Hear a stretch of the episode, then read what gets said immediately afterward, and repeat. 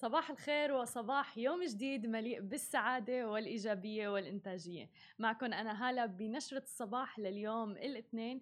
اليوم بنشرة الصباح رح نحكي عن العديد من المواضيع منها عن السعودية ومقاطعة المنتجات التركية وأخذ المستجدات في هذا الموضوع. بالإضافة إلى ذلك بدنا نحكي عن آه، سباق بايك فور بيروت أيضا وكل تفاصيله. وفي الختام بدنا نحكي عن الاقتصاد الأردني. بس قبل ما نبدأ نشرتنا لليوم اليوم بحب نوه إنه اليوم البرنامج برعاية دبي Lynx ملتقى المبدعين في المنطقة العربية. دبي Lynx رح يبدأ اليوم ورح يعود علينا بحلته الجديدة اونلاين ومجانا للجميع.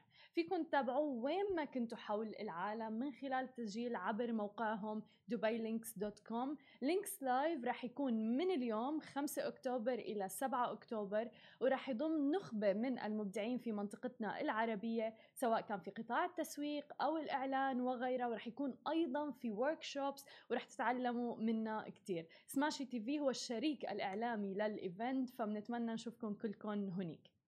خلونا نبدأ بأخبارنا لليوم. واكيد بدنا نحكي عن السعودية حيث أكد رئيس مجلس الغرف السعودية عجلان العجلان أن المقاطعة لكل ما هو تركي سواء كان على مستوى الاستيراد أو حتى الاستثمار أو السياحة هو مسؤولية كل سعودي سواء كان التاجر والمستهلك. وانتشر قبل أيام هاشتاج أطلقه سعوديون يدعو لمقاطعة المنتجات التركية عبر وسائل التواصل الاجتماعي وأطلقوه في تويتر اللي هو وسم أو هاشتاج حظر المنتجات التركية واللي ضل وحافظ على تصدره على قائمة الوسوم الأكثر تكرارا في السعودية. فيما طالب آخرون أيضا بحظر المسلسلات التركية. أما البعض الآخر فذهب بالمطالبة بمقاطعة السياحة في تركيا. وأشارت أيضا صحيفة عكاظ إلى أن الوسم الداعي للمقاطعة لاقى تفاعلا كبيرا من السعوديين اللي أكدوا أن مقاطعة المنتجات التركية من المواطنين تعد الرد المناسب للأتراك عقب تدخلاتهم منذ زمن طويل. وأكد المواطنون في مجمل ردودهم على التغريدة إنه العديد منهم قام اوريدي بمقاطعة المنتجات التركية منذ فترة طويلة. وبينوا أيضا أن المصانع والأسواق المحلية الضخمة قادرة على سد المنتجات التركية واستبدالها أيضا بمنتجات محلية أو سعودية. فيما طالب بعض السعوديين برفع ضريبة الواردات على المنتجات التركية بنسبة 300% عما كانت عليه سابقا. وقام بعضهم بإيضاح الباراكود اللي هو مختص بالمنتجات التركية اللي بيبدأ ب 869 للتسهيل على المواطنين معرفة المنتجات التركية ومقاطعتها.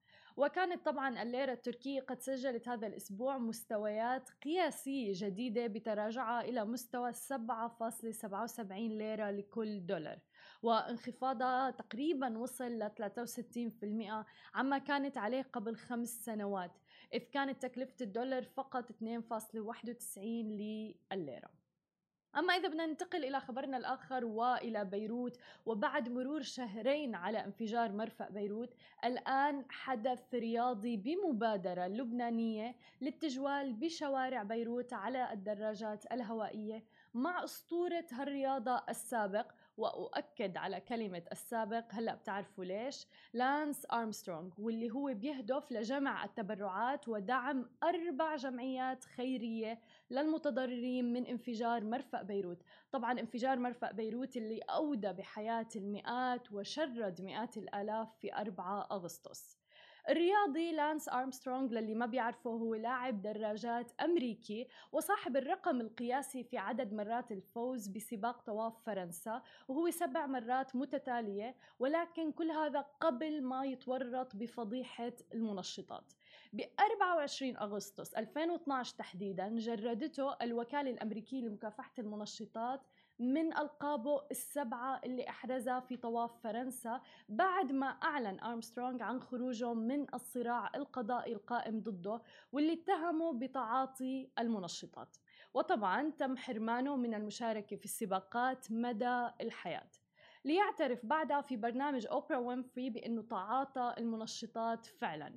ويزعم أيضا بأنه الفوز بطواف فرنسا مستحيل من دون استعمال المنشطات. وبسبب طبعا الاتجاه القضائي دفع أكثر من 100 مليون دولار للمحاكم للتسوية. وطبعا تم حرمانه من السباقات وبالتالي كل هذا دهور وضعه المالي بشكل كبير.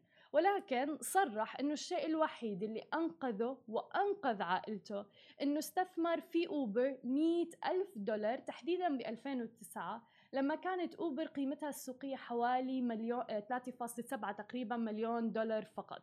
والآن لما باع حصته وطبعا مع ارتفاع القيمة السوقية لأوبر الآن فحصل على مبلغ حوالي 20 مليون دولار. وتفاعل العديد من الأشخاص بمشاركته بالحدث الرياضي لدعم المتضررين بانفجار بيروت وقال أنه جولة الدراجة الهوائية تهدف إلى محاولة رفع الوعي في المجتمع ومساعدة المتضررين. أما في الختام وفي الانتقال إلى الاقتصاد في الأردن وبعد جائحة فيروس كورونا أظهرت بيانات رسمية يوم الأحد يوم أمس تحديدا أن اقتصاد الأردن شهد انكماشا بنسبة 3.6% خلال الربع الثاني على أساس سنوي مع تقلص طبعا النشاط بسبب جائحة فيروس كورونا. وقال مسؤولون في دائرة الإحصاءات العامة الأردنية أن هذا الانخفاض الربع السنوي في الناتج المحلي الإجمالي يعتبر أكبر انكماش اقتصادي عم تشهده المملكة الأردنية خلال 20 عاماً. وفرضت الحكومة في مارس أذار إجراءات صارمة جدا للعزل العام لم يتعافى منها الاقتصاد حتى الآن. وبالرغم من أن معظم قطاعات الأعمال أعيد فتحها بشكل تدريجي منذ مايو أيار تقريبا وعم تتوقع الحكومة أن يشهد الاقتصاد انكماشا بنسبة ترسى يعني على 5.5% تقريبا هذا العام. هو أقل بكتير يعتبر من تقديرات صندوق النقد الدولي اللي توقعت نمو بنسبة 2% قبل تفشي الجائحة. وتأثرت الموارد المالية العامة في المملكة وميزان المدفوعات أيضا بإنهيار طبعا قطاع السياحة لأن الأردن يعني تعتمد على قطاع السياحة واللي بيمثل مصدرا رئيسيا للعملة الأجنبية أيضا في الأردن. وطبعا كل هذا يعود إلى ضعف تحويلات العاملين في الخارج أيضا. وأبقت شركة Standard and Poor's تصنيفات الائتمانية الشهر الماضي على تصنيفات الأردن مستقرة عند BB بلس تقريبا وتوقعت انخفاضا بنسبة 75% من عائدات السياحة لعام 2020 وطبعا يعني 75% انخفاض من عائدات قطاع السياحة هي نسبة عالية جدا وهو قطاع بيسهم بنحو 16% من الناتج المحلي الإجمالي في الأردن.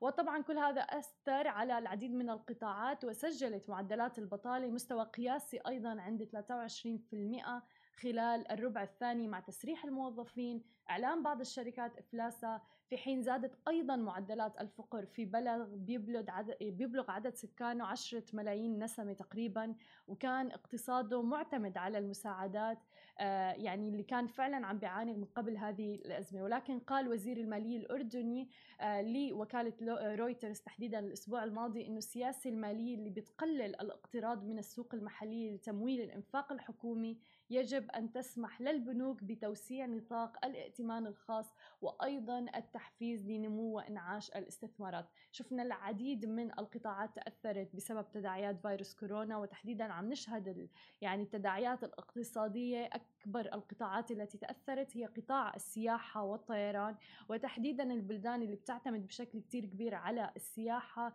شفنا يعني آه انهيار بالاقتصاد للأسف ولكن الآن مع تخفيف القيود وغيرها عم ينتعش الاقتصاد شوي شوي ونأمل أنه يرجع كل شيء كما كان سابقا لا بل وأفضل.